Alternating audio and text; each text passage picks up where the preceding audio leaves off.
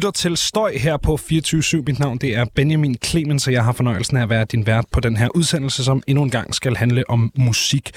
Og dog, fordi i dag der tager vi altså en, øh, en lille derute fra øh, Støjs sædvanlige øh, skabelon.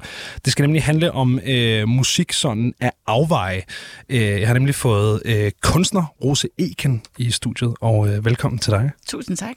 Øh, først og fremmest, så kan vi komme ind på, hvorfor jeg har en, en kunstner i studiet på et musikprogram bagefter. Men først og fremmest, vil du ikke starte med at øh, introducere dig selv? Jamen, altså, jeg er billedkunstner. Jeg arbejder i alle mulige forskellige medier, men man kan sige, det jeg måske er mest kendt for, er keramik. Jeg laver store installationer i keramik, altså det vil sige mange hundrede ting af noget, øh, så på den måde får man en masse volume. Øh, og mine ting handler typisk om musik og populærkultur, og hvordan vi ligesom bruger det i forskellige forstande. Øh, ja, hvad kan jeg ellers sige om mig? Jeg kommer her fra byen øh, København og er uddannet i Storbritannien, hvor jeg har boet i 15 år. Og så sidenhen i Berlin og New York og bla, bla. Så jeg sådan kommer, jeg har en ret bred vifte af alt mulige byer og steder og lande og musikmiljøer Ja. ind under huden. Fedt. Hvad hedder det? Øh, og, og hvordan, hvordan starter din rejse med billedkunsten? Jamen, det gør den nok bare sådan helt tilbage til jeg er meget lille. Altså, min mor underviser operasanger, så, øh, og så blev hun gift med en mand, som øh, havde forlaget Nansen så han udgav en masse grafik og bøger. Så på den måde kom der en masse både sanger, musikere, kunstnere, billedkunstnere hjemme hos os. Så det var sådan ret naturligt en del af min verden altid, på en eller anden måde. Ja. Øhm, og så tror jeg, at hvor lang tid tænkte jeg, at jeg skulle ind i, i noget mere sådan teaterformet. Man kan sige, jeg kom meget i ungdomshuset, og på det tidspunkt i 90'erne, der kunne man ligesom få lov til at lege og gøre alle mulige ting. Altså, jeg har stået og lavet lys ind i pumpehuset, jeg var 16 år gammel, for eksempel, Okay. til store bands og sådan noget. Altså, jeg lavede nogle ret vilde ting, og det, der var på en eller anden måde bare plads til, at man sådan kunne eksperimentere og finde ud af, hvad fanden man ville. Så jeg var meget hurtigt sådan backstage af sådan tekniker Ja. siden af hele musikmiljøet. Øh, og så samtidig så gik jeg og nørdede og tegnede, og det udviklede sig så ligesom til, at jeg søgte ind på akademiet til sidst. Ja, fedt. Og så var det bare Ja, så no, var det sådan. no looking back efter det.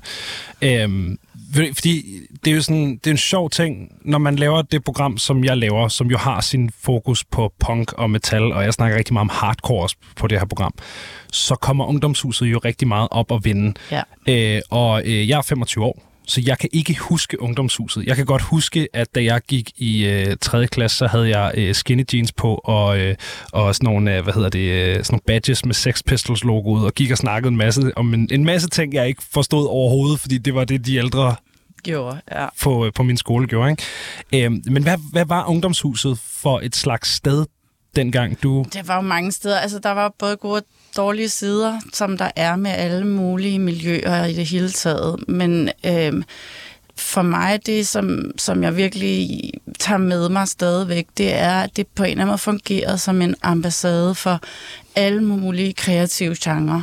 Og det der med, at man, man kunne få lov, altså der var ikke sådan noget, nå, altså der var ikke nogen, der stoppede en. Det var sådan, hvis du havde lyst til at prøve at stå foran, øh, eller bag ved et lydbord og lave lys til en koncert, eller, altså, så kunne du få lov til det. Og det var sgu ligegyldigt, om du var 15 år gammel, eller om du var 27. Ikke? Altså, det var bare sådan, hey, selvfølgelig kan du det. Og det, der, var en, der var noget super entreprenant i det, altså som, som faktisk, altså når jeg ser på, tilbage på alle de mennesker, jeg kender det fra det tidspunkt, så er de alle sammen, laver de alle mulige gakkede ting. Ikke? De er ikke nødvendigvis i musikmiljøet, de er heller ikke nødvendigvis billedkunstnere sammen, men, men der, er- der er helt klart en sådan kreativ tanke bag deres, øh, deres liv på en eller anden måde. Det, det var ret unikt. Ja, klart. Fordi det er sådan, det er, altså, ungdomshuset, som det findes i dag, er jo, lyder i hvert fald ikke som om, det er helt det samme, som det, der fandtes dengang, Nej, eller i hvert fald. Det tror jeg ikke, det er. Altså, det, jeg tror, det har en rigtig fin funktion på den måde, det er nu også. Det siger jo ikke mig noget, fordi jeg er på en eller anden måde den gamle, jeg er det gamle ungdomshus og det gamle børnehus, og da de ligesom forsvandt, så har jeg måske ikke så meget grund til at tage ud på Dortiavej. Altså, Øh, jeg gør det nogle gange, hvis der lige er en speciel koncert, men, Ja. men, men det, er ikke mit, det er ikke mit hus. Øh, og det, man kan sige, der var jo der var både teater, der var koncerter, og sådan, altså det der med at, at at kunne hjælpe med at producere, eller stå i baren, eller altså i virkeligheden var man jo med i sådan en stor eventproduktion hele tiden af den Ja. ene eller den anden art. Og det var super lærerigt. Altså det handlede også om samarbejder på alle mulige planer. Og få, altså nogle gange kom der jo kæmpe bands ind fra USA og sådan noget, som man så skulle sørge for, at de skulle have noget at spise, og de skulle have et eller andet, og vi var jo virkelig små, ikke? Ja, ja. Ja. Altså, Nå, men, ja, virkelig små. Jeg, jeg, kan godt, jeg kan godt huske huset. Jeg har aldrig været derinde, men jeg kan godt huske altså størrelsen på det, og sådan, hvor det stod og alt det der. Så det er jo, ja, man ja, kan godt, det er man kan godt forestille sig, at det er stadigvæk mærkeligt, at det ikke er der længere. Ja, og stadig mærkeligt, at der ikke er blevet gjort noget med den grund. Ja, men, det er der jo nok en grund til. det er der så rigtig mange andre diskussioner, man kunne, øh, man kunne starte den for. Øh, jeg vil hellere tilbage til musikken. Du siger, du er fra et, øh, et hjem med en mor, der var operasanger og, mm. og alt det her. Så, så hvordan bliver et hjem med klaver til en daglig gang i ungdomshuset? Ja, det er jo det der oprør på den ene eller anden måde, men samtidig kan man sige, der er måske heller ikke så sindssygt langt fra opera til black metal, for eksempel. Altså, når man virkelig tænker over det. Øh, Det er Nej. helt dramatisk. Ja, det er rigtigt. Der er noget meget teatralsk i det. Øhm, Så jeg tror bare, der har altid været plads til alle mulige slags. Og så har jeg selvfølgelig, jeg har to store søstre, som var lige de der 4-6 år ældre end mig, som, og den ene specielt var også sådan meget i, i punkmiljøet i 80'erne. Så der kom selvfølgelig en masse inspiration derfra, sådan rent musikmæssigt. Øhm, så ja, den første plade, jeg købte, det var Paranoid med Black Sabbath. Ikke? Sådan. Da jeg var 11 år gammel. Øhm, ja, det synes jeg var meget godt. Ja. Øhm, men, men hvad, hvad er det ved, ved punk og metal og den her type musik, der drager dig? Øhm, jeg tror, at det er noget med, at jeg, kan f- jeg finder et, et plads. Øhm, altså, hvor at mange måske vil føle, at det er, de står i noget larm. Så føler jeg faktisk, at der er plads til, altså der er plads til at være weirdo, der er plads til at være, være sig selv, og der, der, ja, der er en rummelighed i det der musik, som øh, sådan, både i storladenheden i det, men, men også bare sådan i aggressionen. Det er ikke nødvendigvis aggressiv, men, men sådan i energiudladningen, der kommer fra den slags musik, øh, har bare altid draget mig helt vildt meget, og, og, og været en måde ligesom at komme af med sine aggressioner på, ikke? Øh, på en eller anden måde, uden at det er voldeligt, men, men bare ved at danse, eller altså hoppe helt vildt meget til en koncert, så har man ligesom øh, fået noget ud af systemet, ikke? Ja, ja, Øhm, bestemt. Og så er det skægt. Altså, der er jo også, kan man sige, så i metalmiljøet specielt, der passer man jo helt vildt meget på hinanden i virkeligheden. Og det synes jeg er super fedt. Altså, så, så det der med, at, at man kan sagtens hoppe rundt og ind i hinanden og danse pogo og sådan noget, lave sin egen mosh, uden at det føles utrygt. Og det tror jeg har været sådan nummer et ting, jeg har forsøgt at forklare sådan mine forældre eller mine søskende, som ikke ja. Er til den her type musik. Sådan, "Ah, men hvorfor gør de sådan? Jamen det er fordi, de ved, at de passer på hinanden, Ja, og derfor der, er det sjovt. Og der er jo i virkeligheden helt vildt mange koder, altså i det der, altså så man ved, hvordan man gør, og man sørger for at hive hinanden op og sådan noget, ikke? Altså, øh, og det faktisk er indie-publikummet meget værre, altså de er skide irriterende. Sindssygt. Jeg, prøv, jeg, havde, jeg havde engang en samtale på det her program med øh, en, en god ven ved navn øh, Andy, som spiller øh, trommer i band, der hedder Rodaway, øh, s- hvor vi netop havde den der samtale om, at hiphop og, og nogle sådan grene af indie og alt muligt andet musik har approprieret nogle ting fra punk og hardcore og metal i form af, at de har snuppet øh, moshpittet. Mm. Og det er jo rigtig fint, det skal de jo bare gøre. Det er jo ikke, fordi vi ikke vil dele eller noget som helst. Men når man tager moshpittet, så bliver man også nødt til at tage de uskrevne regler, ja. Som der er inde i moshpittet. Og det har de ikke gjort. Nej, er helt. Så sådan nogle, øh, sådan nogle Travis Scott-pits på Roskilde og sådan noget, altså, der skal jeg bare ikke ind. Nej, det er Og sådan, farligt nemlig. Det er, det er farligt, ja. og jeg ved ikke, at dem, der er omkring mig, har min ryg. Eller sådan. Men til et eller andet øh, ristet hardcore-show ja. Nede i Kødbyen, hvor folk øh, spinkicker og kaster med hinanden, så ved jeg, at okay, hvis der sker et eller andet, så jeg har set ham der til flere koncerter, så han skal nok Han have min ryg. nok- eller, Ja, det er det. Ja. Og det synes jeg er super fedt. Altså, fordi så er det skægt. Ikke? Så kan man ligesom godt ja, bare kaste sig ud i det. ja, det er præcis. Øhm, grunden til, at øh, du er herinde i dag, Rose, det er jo fordi, du har øh, udgivet øh, den her mobbedreng af en øh, bog tilbage i øh, marts, øh, og den hedder øh, Shrine. Mm-hmm. Øhm, vil du ikke lige øh, sådan helt kort forklare, hvad ideen var med, med den her bog? Jamen, den er, altså den, det, det er billeder af mit virke, min, hvad jeg har lavet de sidste, gennem de sidste fem år cirka, siden 2018. Øhm, så det er sådan en opfølgning, jeg havde, der var en anden bog før det, som kom ud i 2018, så det var sådan et meget godt tidspunkt at lave en ny. Øhm, og det er, en, det er en meget sort bog, sådan helt bogstaveligt forstand. Øhm, og det er, fordi mit virke har taget en lidt anden retning, som, som er blevet mere dyster og mere sort øh, på grund af alle mulige ting, som for eksempel, altså corona var nærmest the least of it. ja. øh, altså jeg har fik en kæmpe jernrystelse for tre år siden, og min veninde døde for halvandet år siden, og sådan alle de der ting i kombi har bare gjort, at, at der var, det har bare været svært. Ikke? Og, så, og det tror jeg ligesom, jeg måtte have ud igennem mit virke, og det blev egentlig jeg tror, jeg, jeg fik meget sådan, jeg bliver nødt til at gå tilbage til, hvor jeg kommer fra en eller andet sted, som er det 15-årige pige, der fandt øh, Toge Holt og Mads Hårlev nede i skolegården, ikke? Øh, som er øh, Mads spiller i et band, der hedder Undergang, og øh, Toge har været med til at lave Copenhagen øh, her mange, mange år senere. Men det vidste mit 15 år jeg jo ikke dengang. Øh, men de blev ligesom min, min wingman. Øh, dengang. Og det, der, der, der, vi gik øh, i pumpehuset og hørte en helvedes masse dødsmetal. Og der var noget der i den der energi, som jeg havde brug for at genetablere. Ikke at jeg ikke har hørt det længe, men, men jeg havde bare ligesom brug for at, sådan at hive det tilbage og ind i, i, en, i sådan en mere visuel del af, hvad jeg laver. Så derfor, altså bogen kan man sige er bygget op på flere måder. Der er ligesom sådan meget straight up værk ting. Og så er der, øh, så er der lange dele, som handler om øh, proces, og så er der øh, dele, som mere er ja, skitser og tanker sådan bag. Ja, der er mange sider med sådan noget, det ligner sådan nogle sådan scratch-noter, du har taget, og små tegninger, ja, et eller andet, ja. som man så kan se i færdig form et andet sted i bogen. Og sådan, det er sjovt at sidde og drage de der tråde rundt igennem øh, igennem bogen. Øhm, jeg tænker på, når, når, dit, når dit kunstneriske virke jo meget er det her keramiske og det øh, tredimensionelle, øh, kan din kunst så nydes rigtigt i bogform? Det synes jeg bestemt, det kan. Altså nu laver jeg også alt muligt andet, som ikke er 3D grundlæggende, men, men øh, hvorfor skulle det ikke kunne det?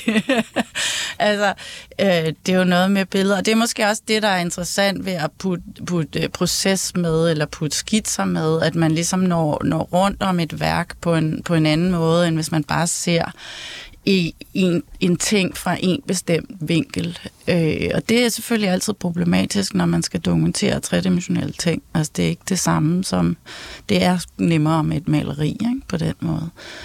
Fordi enten skal man vælge at sige, skal vi have tre billeder fra hver side, eller skal vi, hvordan gør vi det egentlig? Ja, men lige præcis. Og sådan, men man kan sige, at mange af de ting, jeg laver, er jo rumlige installationer, så det handler også ligesom om at så måske bare få, få ideen om det her rum, øh, og hvordan det ligesom, hvad, hvad pointen Altså for eksempel er der en installation, som, som er en idé, jeg fik efter, da Slayer havde spillet ude på Copenhagen i 2017, hvor jeg går ned ad bakken og står lidt foran scenen og venter på, at alle folk forsvinder, fordi det var den sidste koncert. Øh, så, der, så man ligesom ikke skal ud gennem ja. øh, udgangen med 3.000 andre mennesker. Øh, og så står mig og min veninde der og hænger over et hegn og kigger op på scenen, og der ligger plastikglas ud over det hele. Det gør der jo så heldigvis ikke længere, fordi at nu har de været 5 kroners pant. Ja. Men det gjorde der stadig dengang. Øh, og så kan jeg bare huske, at jeg tænkte, nå, det her skal jeg lave i og det er jo sådan set rimelig dumt. øh, men det har jeg så gjort. Så, så jeg har lavet den her installation, som er altså inklusiv hegnene, hvor det hele, altså alt er lavet i ler. Øhm, og det, det er jo så måske den, sådan en kan man mere vise som sådan en rummelig ting i en bog. Øhm, men, men ja, det er altid svært, men der er jo, der er jo noget, man må vælge fra. Øh, sådan er det. Ikke? Ja, ja. ja. Og... Det er også, jeg skulle jo stille, øh, stille spørgsmålet, ikke? Øh, men jeg synes, det, jeg synes lige præcis, den, det, den, der, det er den, der hedder Aftermath, ikke? Jo. Jeg synes, det var sjovt, fordi at bare det at se billederne af det rum, så kunne jeg forestille mig det der udtrådte støvede græs og hvad der ellers ligger af småsten. Det er og... grundlæggende meget det, jeg arbejder med, at jeg, jeg bruger øh, vores fælleskoder. Altså, så det, jeg bruger jo min, egne, min egen biografi eller erindringer eller noget, men, men jeg, jeg gør det meget... I, den historie, jeg i virkeligheden vil fortælle, er din historie, eller ham her historie, eller ham. Altså fordi du gør automatisk historien færdig gennem dine egne erindringer, som du begynder at projektere på det, fordi der er den der genkendelighed i objekterne. Og det synes jeg er vildt interessant, fordi på den måde, så kan man begynde at fortælle en historie om vores kollektive hukommelse i en anden, men som så stadigvæk også handler rigtig meget om vores egen hukommelse, hvis det giver nogen mening. Øh, det synes jeg er super interessant. Det giver totalt god mening. Øh, men, men det, jeg forstår det der med, når det er ligesom sådan en som Aftermath, som jo, altså man, man må øh, google eller gå ud og købe bogen eller eller andet. Der kommer til at være nogle visuelle ting i det her. Men, men sådan en som Aftermath, som jo er de her øh, shotsrør og fadelskrus i ler, som ligger strøget ud over gulvet i et galeri af en eller anden art. Øh, der, der giver det jo mening, det her. Altså der, der, der er det jo klart, at du har valgt at tage et billede af hele rummet med. Øhm, men så er der også sådan en som øh, den, der hedder øh, Young Gods, tror jeg den hedder, som er øh, boosterne af, af slægt. Ikke? Mm-hmm.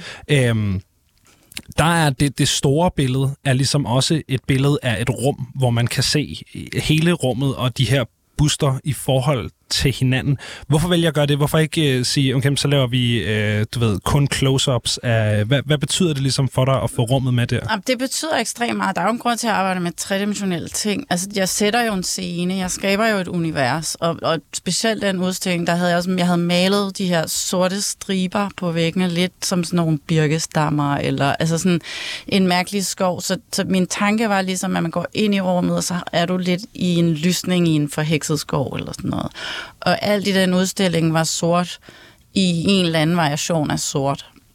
Og så inde i, i midten står der ligesom fem øh, sokler med de her byster på. Og de, der var faktisk kun en af dem, hvor man kunne se ansigtet, resten kunne man ligesom kun se deres hår i bevægelse.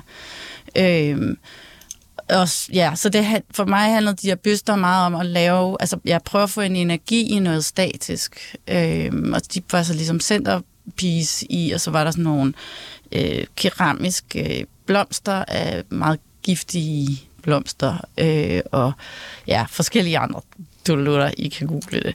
Øh, men, øh, jamen, hvorfor, hvorfor det? Fordi at det, det, jeg vil gerne have, at man får en fornemmelse for hele den der rummelighed, og hvordan objekterne også taler med hinanden. Det, det er i virkeligheden, altså når jeg ender altid, når jeg har været i byen, så kan jeg kigge på min telefon dagen efter, og så, så har jeg taget alle mulige billeder af askebæger og ølgrus og sådan noget. Altså, det er virkelig ofte, det sker. og og øh, jeg, jeg bruger dem jo typisk, men det, men det er ret skægt. Altså basically, man kan sætte tre ting sammen, og så har du pludselig en fortælling. Yeah. Og det er i virkeligheden også det, jeg gør her. Altså nogle gange, så tit, så kan askebær kan jo også stå for sig selv, men hvis, det, hvis du har det sammen med en ølflaske, så har de pludselig en dialog. Ikke? Og det, det er sådan den fortælling, så kan man fylde på kan man sige. Ikke? Øh, men, men det kan man jo også bruge en bog, så kan man ligesom sige, jamen her der ser vi kun askebæret, og her, altså der har jeg har lavet sådan en nolling med askebærerne, så der er kun, altså i bogen, så er der, kun, så der er sådan en helt side med, jeg kan ikke huske, hvor mange, 10 askebærer, ikke? Øhm, fordi at, at de går ligesom igen på en eller anden måde, som sådan en ting, jeg altid lidt har gang i. Øhm. en gennemgående ting med de her askebærer. Ja. ja. ja. men, jeg, men jeg synes, fordi der faktisk er, bare en, der er en sjov historie i det. Altså det handler jo om, om noget, der er socialt typisk, eller også så kan det også være super ensomt. Det er sådan lidt afhængigt af, hvor mange skodder der er i, ja. og hvad der er i det der askebær. Ikke? Og det synes jeg er en, en sjov ting, altså. Ja, Anyway. Ja, det er sjovt. Det er jo sådan noget, det, eller det ved jeg ikke, det har jeg i hvert fald aldrig tænkt over. Sidde og kigge i et askebær og tænkt, at der var en fortælling, men det, Men det er der. det er der jo. Det er der jo. Øhm, der er også det her, nu kom du selv lidt ind på dem, de her giftige planter og sådan noget. Der er lidt sådan et øh, sådan paganisme øh, hekseagtigt sidespor Ja. igennem, eller sådan underliggende tone igennem hele den her øh, bog. Det er der, altså, man kan sige, den udstilling specielt, altså den, den, den handler om black metal, ikke? Så, så det var ret obvious at prøve at lave et univers, som, som ikke direkte er black metal eller pagan eller witchcraft, men der, men der er en masse forskellige øh, symboler eller sådan ting, der er hivet ind fra, fra sådan en magisk magisk realisme, eller noget, noget witchcraft, eller noget paganism, eller noget. Altså, det er sådan en sjov nordisk mytologi-situation i et one big mix. Ja. Øhm, og det, det er jo igen i virkeligheden, så øh, jeg arbejder, altså det er også en, måske en ret vigtig ting, det jeg laver er, er super figurativt, men det er ikke en til en. Jeg modellerer det i sådan nogenlunde rigtig størrelse, og så skrømper ler jo. Det vil sige, at alt er en lille smule for småt. Og den der skævvridning gør, at, at på en eller anden måde, så er vi i stand til at projektere os selv ind i dem.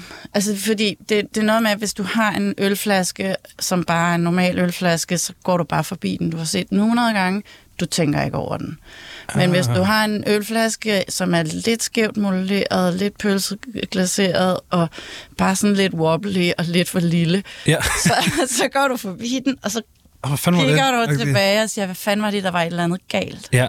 Og det er i virkeligheden, det er en meget banal greb på mange måder, men, men det, det er super effektfuldt, fordi det gør pludselig, at vi kigger på det igen, og så genopdager vi det, og genopdager den fortælling, det ligesom har. Ikke? Eller hvis, ja, hvis det, Det, giver det, giver, mening. det giver totalt god mening, Ja. og jeg oplevede det der tidligere i dag, da jeg sad og ligesom kiggede rundt og googlede ting, du har lavet før den her bog også og sådan noget, øh, hvor at du, du havde lavet nogle mælkekasser på et tidspunkt, og så kiggede på de der mælkekasser, jeg kunne ikke finde ud af, hvorfor jeg var så draget af de der mælkekasser, og så kom jeg ligesom fra det og på et andet spor eller et eller andet, men det giver totalt god mening, det der med, at så fordi at den er lidt bukket, eller ligesom opfører sig på en måde, som plastikken i en mælkekasse ikke Ikke kan kan opføre sig på.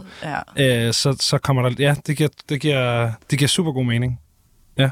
Men ja, grineren. Det er fedt at få, øh, få ligesom sat ord på nogle af de der tanker, jeg har siddet og, øh, siddet og gjort mig i løbet af dagen. Øhm, titlen på bogen, øh, den hedder Shrine, øh, som jo betyder sådan helligdom, men jo også lidt på en eller anden måde. Sådan, jeg forbinder det også med de her sådan, minitempler, man nogle gange ser i sådan, øh, Sydøstasien. Øh, Det er også, kan man sige, det vi gør, når, altså for eksempel, da David Bowie døde, eller whoever, nu er han et meget godt eksempel, altså så lægger vi blomster et eller andet sted Ja. på gaden, og så laver man sådan et makeshift. Jeg ved ikke, altså de, der er, vi mangler lidt det rigtige ja, ord det på gør vi nemlig lidt. Øh, det, er jo, det er jo i princippet et alter. Altså, Ja. det er... Øh, og, og man kan sige, at grunden til, at bogen hedder det, er, er fordi det er jo på mange måder at det, jeg gør med alt mit arbejde, at der er, der er, en, der er en masse homager til det ene eller det andet. Øh, på mange måder. Øh, samtidig så er der også det sidste værk i bogen, er et værk, jeg lavede. Jeg startede faktisk med at lave det i 2019. Det skulle have været udstillet i New York i 2020. Det blev det så sjovt nok ikke. Øh, det blev det så til gengæld øh, sidste efterår. Øhm, og det er et shrine. Øh, og det er et shrine til The Old New York. Det vil sige, at det, er, det består af flere hundrede objekter, som alt sammen er øh, øh, refererer til musikere eller kunstnere eller forfattere, som har, har haft betydning for New York, men også for, man kan sige, vores moderne kulturliv i en eller anden forstand.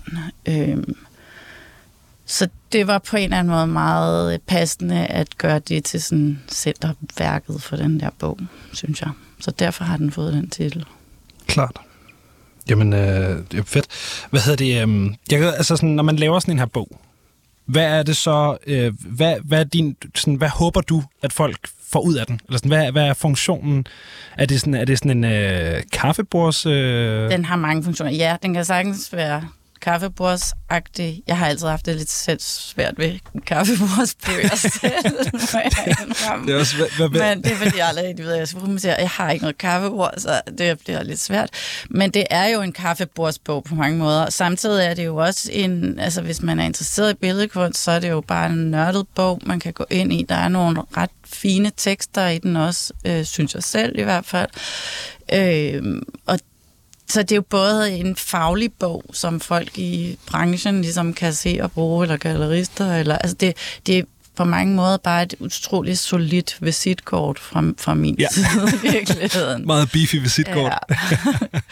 Ja. øhm, det er nok det, den skal bruges til mest af alt. Ja, fedt.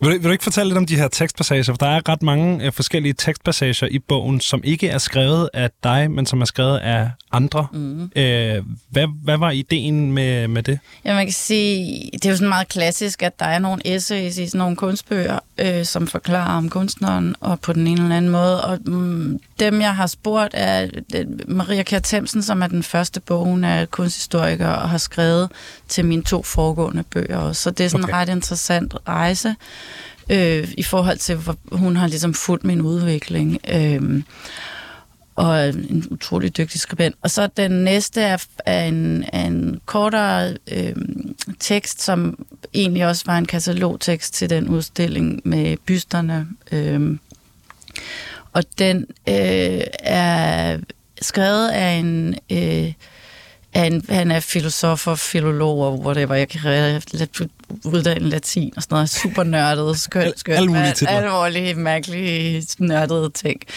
Øhm, og i virkeligheden er han også, øh, var han med til at lave tusindfrød tilbage i ja. 80'erne og 90'erne.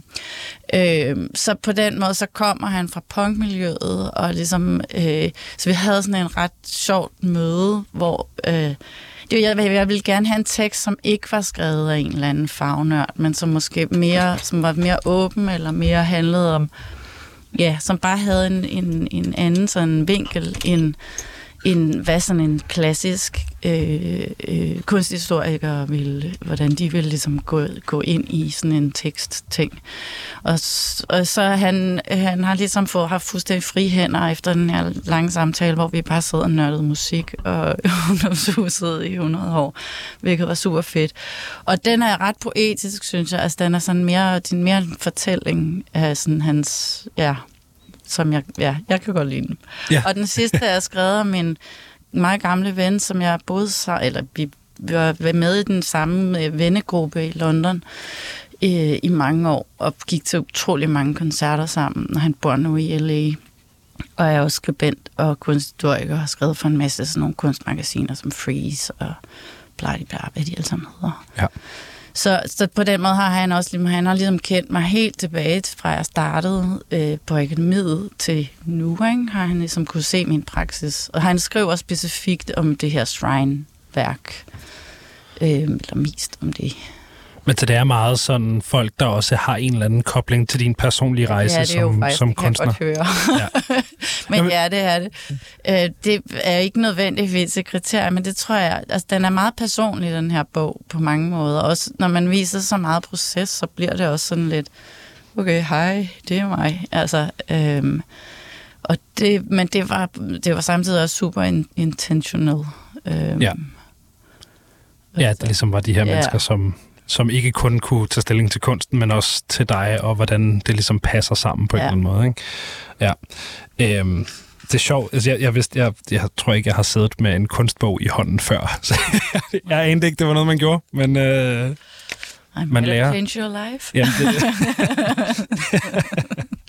Hvad hedder det? Øhm, jeg kan godt sådan gå ned i sådan, jeg ved ikke, hvor meget det giver mening at gøre, men nu har jeg tænkt mig at prøve alligevel, gå ned i sådan en øh, reel proces, altså når du står med det. For eksempel, der er en, en hel del sådan malerier af forskellige sådan battle jackets og øh, denim veste med nitter og patches og alt muligt. Øh, altså sådan, findes, findes de jakker i virkeligheden, eller er det nogen, du har... Nogle af dem, men ikke rigtig, nej. Altså, de, de kan godt være medleys af jakker. Okay. Øhm, mere. Altså, jeg har sådan en bog, blandt andet, af med en masse af sådan nogle, en eller anden nørd, der har været ude og tage, tage billeder. Men, men grundlæggende er de, kan, er de sådan lidt en blanding af noget, jeg selv har fundet på, og noget, eller, eller jeg har kigget på James Hetfield til en eller anden koncert, og så sådan, altså jeg arbejder også meget ud fra erindringen af ting. Så jeg sådan, jeg laver enormt meget research, og så gør jeg det egentlig bare ud fra, hvordan jeg husker det. Øh, ja, så det, det er sådan, så har jeg lavet sådan nogle papircollager. Basically, så de, de her er malet på glas. De er malet på bagsiden af et stykke glas. Det vil sige, de er malet spejlvendt. Og så er de også malet, okay. så er de også malet, øh, altså du skal, skal man male det yderste lag først, og så maler man tilbage, hvilket er totalt hit fuck, basically.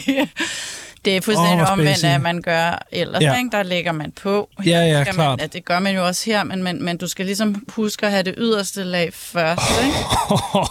øh, og så kan man samtidig have de ret store, så jeg ikke kunne stå og vende dem særlig ofte. Nej. Øhm, så det er virkelig så, sådan trust the process. Ja, det er trust the process. Og så, er det, altså, så kommer der jo også en masse fuck-ups, som på en eller anden måde øh, kan være nogle meget gode glitches. Og så en ting, som ikke rigtig kan komme med på, på billeder desværre, det er, at der faktisk er ret mange områder, som, hvor der ikke er malet. Og så har jeg lagt glitterpapir ind. Det ja. vil sige, der er sådan en, en sjov 3D-effekt, altså fordi glassets tykkelse også ligesom giver noget, noget space. Så de har, altså de, de, er, de er ret anderledes bare end, end et normalt maleri på den måde. De står også og lyser øh, Altså alle de der nitter for eksempel, det er jo sådan sølv, helt sølvpapir, ikke? Som så, det kommer altså ud af en udstilling, jeg så. Altså det er noget, der, det, der, der er flere traditioner inden for det. I Tyskland hedder det Hinterglasmalerei, og i, i øh, uh, USA hedder det tinsel paintings. Men jeg så den her udstilling i 2012 som på The American Folk Art Museum, og det er egentlig en teknik, som kvinder brugte, typisk kvinder brugte i slutningen af 1800-tallet. Og så satte de ligesom de her små malerier, som var fuld af glitter, øh, satte de ligesom noget lys foran, så kunne de få mere lys i hjemmet, ah, basically. Okay. Så havde de de her små, fine, dekorative ting af blomster typisk, eller duer, eller sådan noget, ikke? Ja, ja. Og det er egentlig også en gammel skiltemalerteknik på mange måder. Okay. Som, altså, ja, og det synes jeg, altså, det kan du måske også, altså keramik og broderi og tinselmaleri og sådan noget. Jeg bruger typisk sådan nogle ret old school, eller øh, hvad hedder det, medier, og de er typisk også sådan nogle, der traditionelt set er forbundet med kvinder. Ja, for jeg har nemlig godt tænkt over lige præcis keramik og, og broderiet. Jeg antager ikke, der var noget, der hed Nej, Tinsel painting, men ja, jeg elsker, hvor nørdet det her det er. Ja, det, det, er meget det, sådan noget, det, det synes jeg altså, er sindssygt Det mest nørdede projekt, det er jo nok, det er jo nok trommeskinnene. Øhm. Ja, det glæder jeg også sindssygt meget til at, at snakke med om. Jeg kan godt lide, altså, øh, de her øh, battle jackets, hvis de så ikke findes en til en, ikke? Øh, fordi der er sådan en kæmpe... Jeg har lige begyndt at høre et podcast, amerikansk podcast, der hedder Hardlaw, øh, som er øh, forskellige mennesker, der har haft sin gang i amerikansk hardcore i mange år. Ej, den må jeg høre. Ja, den er super fed.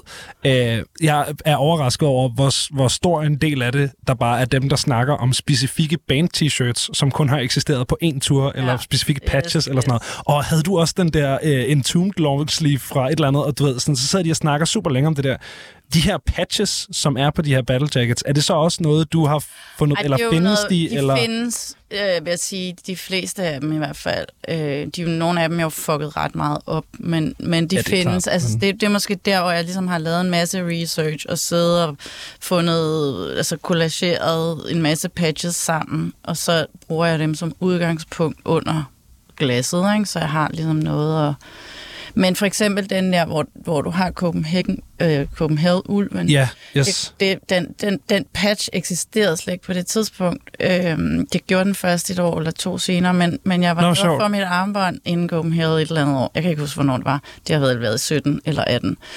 Øh, og så står der den her fyr, så det er min ven Victor, der har lavet ulven Altså ude på pladsen. ude på pladsen. Ja. Så øh, jeg var sådan, hey, må jeg ikke tage et billede af din patch? Og så var den, øh, og den har min mor lavet til mig. Nå, hvor cute. det var så fint. Fedt. Og, sådan, noget. og så var han, men han var også sådan lidt angst for, at der var nogen, nogen der ligesom skulle klandre ham for at have lavet et strygemærke af den. Men øh, var sådan, det tror jeg er helt okay. Du. Det er da den gode gamle punkstil Ja, at lave sine egne patches. Ja. Altså, øh... Nå, hvor fedt. Ja, men det, det er jo også en ting, det der med ligesom at, at klippe logoer af gamle t-shirts, ja, og så bruge dem som patches og sådan Eller, noget. Så det er jo... så er der også ligesom der, hvor man har alle armbåndene, ikke? For Ja. alle koncerter, du har været til og sådan noget. Det ja, synes jeg. Og det bliver jo, jeg, så jeg kan godt lide ideen om det der med, at de hedder battle jackets. Ikke? Man tager sine armer på, man, man bliver beskyttet af sin kult, ikke? Øh, den klub, man ligesom hører med i. Og det, der er noget utroligt fint i det. Altså, de er jo sindssygt flotte, ikke? De er virkelig, virkelig flotte. Jeg kan virkelig igen øh, anbefale, at hvis man sidder foran en computer og lytter til det her, at man øh, får googlet nogle af de her ting, fordi der er altså øh, der er nogle virkelig visuelt interessante ting. Der er sådan en, en læderjakke med et grønt ærme, som jeg synes er så svedig. Ja. Den, Øh, den, hvor hele den der installation fra Copenhagen, og, og den og den har faktisk den har en, øh, en bagside, som er den, der, hvor der står Misfit, midt, jeg kan ikke sige det. Misfits. Misfits. det er faktisk bagsiden Nå ja, af, der. Yes. af den. Øh, de to, de bor på Horsens Kunstmuseum, så hvis I kommer forbi Horsens, så, er det Så- der, I finder dem. er det ind og, øh, og, og se på dem. Øhm, og så til de der lille trommeskin der. Øh, fordi du har nemlig lavet det her sådan, øh, det er næsten en række portrætter af forskellige øh, trommeslager øh, via... Glad for, at du ser det sådan. Jamen, det Det er er jo... præcis sådan, jeg ser det. Jamen fedt. Øh, men, men det er altså broderet på silke, hvor du ligesom har broderet slidmønstret fra forskellige trommeslagers øh, lille tromskin. Og hvor, hvor fanden opstår den idé henne? Det er et godt spørgsmål. Det kan jeg simpelthen ikke huske. Jeg tror, altså jeg har datet nok trommeslager for det første, så, så det er måske er det derfor. Skart for life. det er nok, hvad det var. Og så, kvæg jeg har været scenetekniker, så er man ligesom gået nok rundt oppe på scenen. Det vil sige, man ser trommesættet. Du kan jo ikke se det ned fra publikum af. Nej. Øhm, og det er et ret, det er sådan et ret nørdet mønster, man kan sige. Alle trommeslager ved præcis, hvad det er, så snart de ser det. Øh, jeg tror, det er efter den lyserøde sektion. Efter den lyser, jeg sidder og prøver at bladre i bogen her. Der var den. Ja. Yes. Øhm, så jeg ved ikke, jeg tror bare, nogen, altså hvor opstår idéer fra, det gør de jo bare nogle gange. Jeg havde et andet øh, broderiprojekt, hvor jeg broderede øh, sætlister i lang tid. Ja. Øh, og så kom, fik jeg ligesom den der trommeskins idé. Så jeg, jeg, og det startede, jeg tror det første er fra sådan noget 2009, 8-9 stykker. Øh, så det er sådan en ongoing project, øh, jeg vil blive ved med i virkeligheden. Og så samler jeg ligesom, jeg skal helst bruge det rigtige trommeskin, og det er sådan der, det er altid lidt af en hurdle, fordi jeg har aldrig fået et nej, men at få det, ja.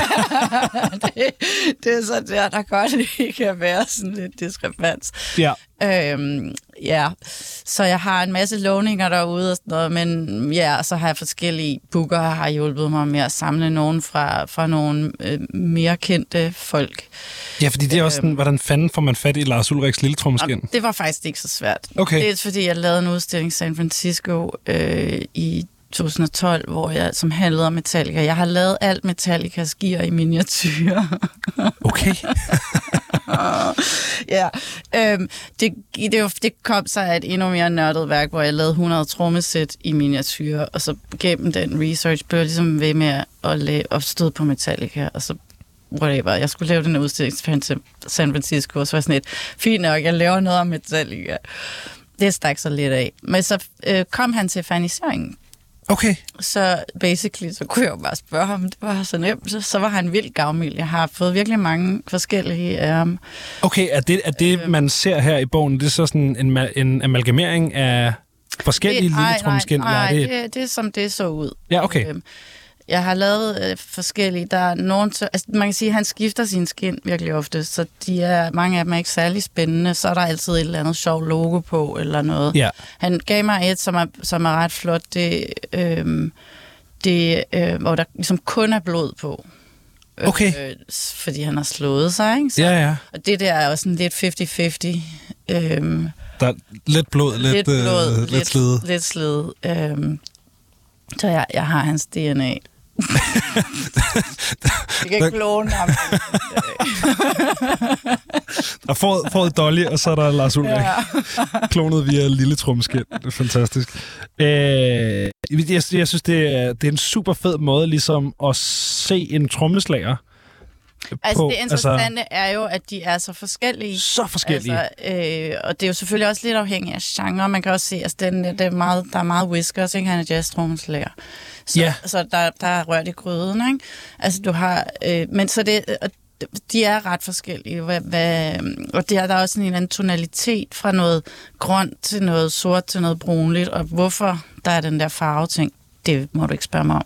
Det, det er noget med coding, noget at gøre med eller... coding, eller trommestikker, eller mødet mellem de to, ja. eller et eller andet. Men det er sådan ret, det er sådan ret specifikt. Øh, hvad, ja. hvad, hvad er det vildeste lille tromskin, du har fået fat i?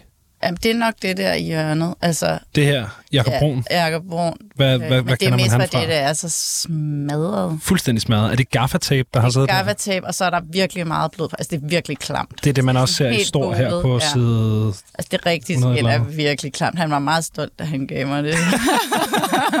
sådan, jeg har fundet det klammeste skin. Sæt. Øh, men altså, altså, så er det en anden, der som jeg er ret sjov, der er kun en af dem med der, tror jeg dog. Men jeg har, det er begge trommeslagerne fra Radiohead. Ja. Øhm, og de er ikke super overspillet, men, men det interessante ved dem er, at deres øh, altså retningen er forskellig.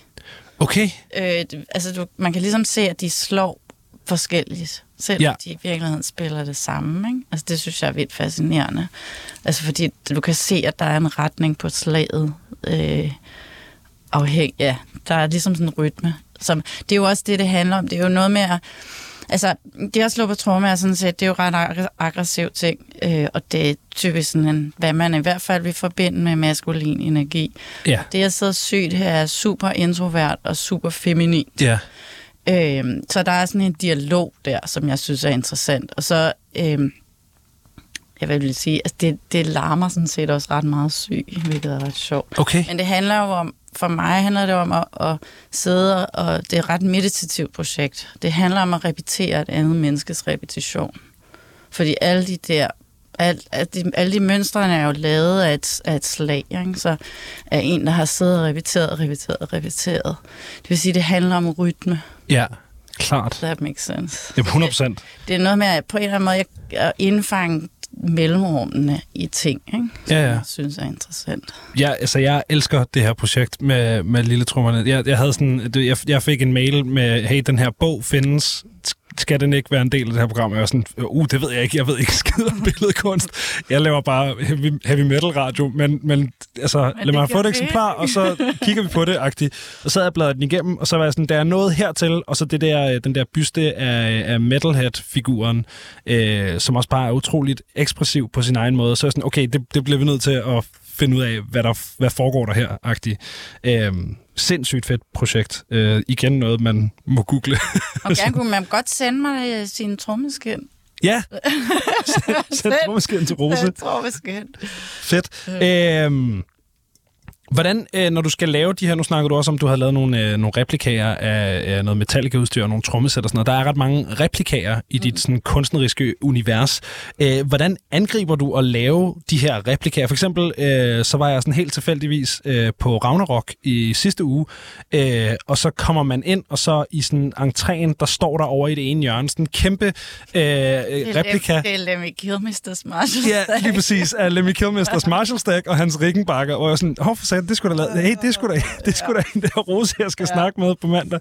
Øh, hvordan angriber du og sådan replikerer det? Jeg tænker ikke, du har haft den regel. Nej, nej, men, men altså man siger, der er meget, der er jo heldigvis mange nørder derude, som, øh, man kan sige, lige den er ret nem at finde. Det er jo sådan set bare at gå ind til Marshall eller et eller andet, og google, hvad størrelsen er. Ikke? Ja. Så har jeg, har jeg modelleret den i cirka den størrelse, og det, så er den så blevet lidt mindre. Ikke? Men øhm, øh, det er så mere, hvordan man rent keramisk laver noget, der er så stort, og får det til at stå om på hinanden og sådan noget. Det, der var sådan nogle hørte, så faktisk den ene eksploderede ind i ovnen og sådan noget. Jamen, den har, der er sådan en fed revne ned ad siden på ja. den. Øh, så der var storm. Der, det var ikke helt nemt, lad Nej. mig bare sige det sådan. Men det var også et utroligt skægt projekt. Øh, og ja, det er jo sådan set, det er jo et homage til Lemmy, men det er, det er selvfølgelig også bare et, et homage til altså hele den der ting om en Marshall-væg. Ikke? Ja. Og så, så er der også noget, altså der er jo ekstremt meget humor i det, jeg laver, altså fordi det er bare dumt at lave en Marshall-stik i ikke? Den er jo nærmest tungere end originalen. altså, det, det, og det, Ja, jeg tænkte på, er den solid? Der, synes jeg, nej, den er ikke solid. Den er ikke solid. Der er ikke noget, altså man laver ikke noget i keramik solidt helst, Nej. fordi det, der så kan ske, det er, at øhm, der kan være lufthuller inde i leret, Ja, og så sæt og så bang. ser det bang ind i ovnen. Ikke? Så man Ja. udhuler altid ting. Okay. Der vil heller ikke være nogen grund til at lave den solid. Altså, jeg har bygget den op. Jeg har lavet en papkasse, basic, som jeg så har modelleret den op omkring. Ja, okay. Så jeg havde en ramme, altså, som kunne støtte den nogenlunde, Ja. mens den tørrede. Ja. Og så eksploderer den så alligevel. Så der den alligevel. Ja. Ja. Men jeg Og synes... lavede en ny. Ja, okay, fedt. Nå, okay, så det er, det er toeren, der står Ja, på Ragnarok. Det var den midterste sektion, der eksploderede. Ikke? Okay, Ja. Sådan er det. så, sådan er det. Når man, Den har øh, været hele vejen til USA og tilbage igen, Okay, faktisk. og har overlevet. Og har overlevet, ja. Vildt nok. Øhm, men sådan, det, det er jo bare, det, ja, det ved jeg ikke. Min kæreste har lavet rigtig meget øh, keramik, øh, og jeg har været sådan på en eller anden, et sted, hvor man kunne få lov til at sidde og lege med det. Så det er jo ikke, fordi jeg overhovedet er ekspert, men jeg ved, jeg ved, hvordan... Jeg ved ikke, om man har formning i længere Jo, men det, man har selvfølgelig noget, men du ved, man, alle kan forestille sig det der med at sidde med et tyndt lag ler, og prøve at få det til at stå op, eller prøve at få det til at gøre... Altså, hvordan fanden laver man en sammenfoldet balaclava i ler? Hvordan, hvordan gør man det? Det ved jeg sgu ikke. Altså, jamen, altså jeg, jeg tror også, det jeg synes er skægt med ler, at det er et utroligt, hvad hedder det, øh, versatile. Altså det, det, det, det er et materiale, der har utrolig stor spændvidde Ja. af, hvad man kan få det til. Men det er også grundlæggende et super kluntet og klodset materiale. Altså det har Sindssygt meget. altid det der lidt noget, man har lavet i 3. klasse. Ikke? Ja. Øh, og det synes jeg jo er virkelig sket. Og så, så jeg prøver altså at, at få det til at gøre ting, det ikke rigtig vil. Som at være højt og tyndt og Ja. øh, stort. Og, altså de der blomster ting for eksempel er også sådan en... Øh, altså udfordringen ligger egentlig i processen, fordi det handler om at arbejde mod tyngdekraften. Øh, fordi altså ting, du bygger, du bygger en start op, som måske er så høj, altså 20-30 cm, og så støtter man det. Og så lader man det tørre til det, der hedder lederhårdt, altså hvor det lige kan stå af sig selv, og så kan man bygge mere på. Okay. Og så til sidst kollapser det hele, hvis man ikke var så hård, ikke? Altså, så det er sådan hele tiden sådan en balance i at støtte det. Det kan man også se nogle, på nogle af de der billeder, jeg har sat ind af, hvordan at, at værkerne er, er støttet af alle mulige mærkelige dem, som Nå, ja. har stående, ikke? Ja. Altså for, for netop, at, fordi ellers så kan de ikke... Og så når de så først er brændt, så er det sådan lidt mere safe, ikke? Ja. Men så er der ja, så også så er noget- andet, der kan gå i stykker, Ja. ikke? Altså for, for, hver, øh, for hver stykke færdig kunst, du producerer, hvor mange stykker ødelagt kunst har du så produceret? Det er lidt i perioder. Nu har jeg lige haft en ret stor krise i min ovn. det var Sinead O'Connor, der eksploderede. Altså, hvad skal jeg sige? Det var måske meget passende. Men problemet er, at hun ødelagde min ovn, så, jeg skal, så nu, Okay, skal jeg lige... Sinead O'Connor har ødelagt din ovn. Skal jeg, hader, når det sker. det er røvsygt. Nej, nu skal jeg nu vente jeg lige på nogle, nogle reservedele fra Tyskland, så den kan virke igen. Ja. Men øhm, ja, det jeg ved ikke, det er jo ikke, det er ikke noget, jeg går og øh, spekulerer så meget. Altså det, det- hvis man begynder hele tiden at tænke på det, så bliver man idiot. Eller, ja. eller folk bliver også... jeg- Altså det spørgsmål, jeg får mest, er, hvor lang tid tager det at lave sådan en? Og der er sådan, I don't know. Altså det, det, det er Det meget tid. forskelligt. Nogle gange, jamen nogle, nogle ting kan jeg bare modellere hurtigere end andre ting. Ja. Af en eller anden grund, eller man har en god dag, eller whatever. Altså, men selvfølgelig er der en længere, der er, en, der er ligesom, man kan heller ikke forsere det. Man skal ligesom sige, okay, det, du kan modellere det, og så skal det, så er der ligesom så lang tid, det skal tørre. Så skal det brændes, så skal det glaseres, så skal det brændes, og det er først der, du endelig sidder med det færdige værk. Og det er det fede, at det, fordi der er en masse ting, der er, hvor man ikke er i kontrol. Og det synes jeg er skægt. Altså, Ja.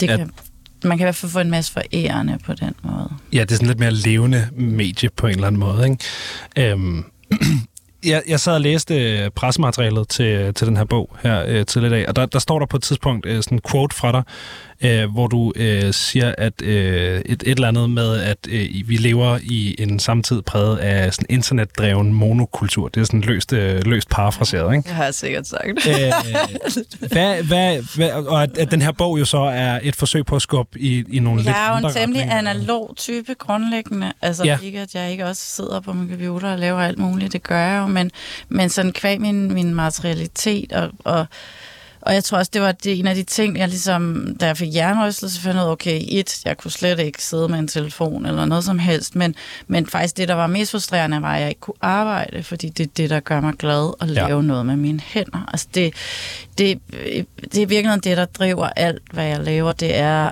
behovet for altid lige at du lytte med et eller andet med, og så skal man lige, altså fordi, og, og så har jeg det godt. Ja. Øhm, og det, er sådan- det er sådan meget stenet. Altså, folk synes, jeg virkelig overarbejder. Det gør jeg sikkert også. Men, men jeg gør det egentlig mest bare fordi, at Nå, jamen, jeg kan da lige så godt gå ned på mit atelier om søndagen og sidde dernede og hygge mig, end jeg skal altså alt muligt andet Ja. grundlæggende. Ja, det er jo, det er jo privilegiet ved at arbejde med noget, man rent faktisk synes er sjovt, ikke? Ja, og så kunne selv bestemme, hvornår man har lyst til at gøre det, og ikke Også det. gøre det. Ikke? Ja. Der, der er en stor frihed, men der er også øh, der kommer også en masse ansvar med den frihed eller problem. Altså, der, det, det skal man også lære at styre. Klart. Jeg tror, jeg tror det jeg vil hen til egentlig også med det, øh, og, og, og spørge ind til det, det var, var hvordan du ligesom øh, prøver at skubbe på det her sådan monokultur. Altså, hvordan... Øh, Jeg tror, at, at jeg tror mere, at vi egentlig bare, at vi har et behov for, det kan du også se, det, altså inden for kunstverdenen i hvert fald, er det, øh, da jeg begyndte at lave keramik for i slutningen af nullerne, der var det super umoderne. Altså ja. virkelig, virkelig not fashionable at all. Og det er det jo nu. det må man sige. Det må man sige. Det er også super fashionable at hækle og strikke Helt og vildt. alle de der ting, som egentlig bare handler om noget, der er slow, og noget, der er real, og noget, der er analog. Og det, jeg tror meget, det, det er ligesom det, jeg tænker, det, det, der er en stor vigtighed i det, at vi ligesom gør noget andet, end at sidde inde i de der telefoner. Øh, og det blev måske endnu mere tydeligt gjort under corona, hvor at dels var det nærmest den eneste kommunikationsform, Ja. men samtidig så fik folk pludselig også tid til at gå rundt og nusse i deres have, og blev faktisk en lille smule lykkeligere af det. Ikke?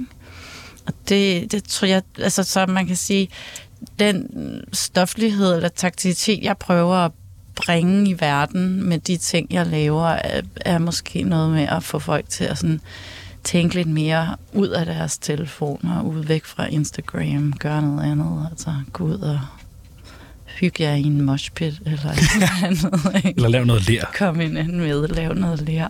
helt klart. Hvad hedder det? øh, Hvor er det næste sted, man kan øh, opleve din kunst i levende liv? Jamen, det er jeg ved at lave en udstilling med en anden billedkunstner, som øh, har fanisering her i starten af september, ude på noget, der hedder Gammel Gård i Herlev. Okay. Så ja, den 9. september har den fanisering. Så det er der, man skal hen, hvis man skal øh, prøve at få noget visuelt på noget af det her. Ja, ellers så skal man gå ned på mit galleri nede i Kødbøen, som ja. er et galleri, og øh, snakke med dem. Helt De klart. er søde. Og ellers så kan man jo købe den her, tænker jeg, Det kan man. rundt omkring. Øh, den her værende bogen, øh, skal jeg huske at sige. altså øh, Shrine, som udkom her i, øh, i slut, øh, slut marts i år. Øhm, så tror jeg egentlig ikke, jeg har øh, så forfærdeligt meget mere til dig, Rose. Men du skal have øh, tusind tak, fordi du gad at lægge øh, turen forbi studiet. Jamen, det tak fordi jeg måtte komme.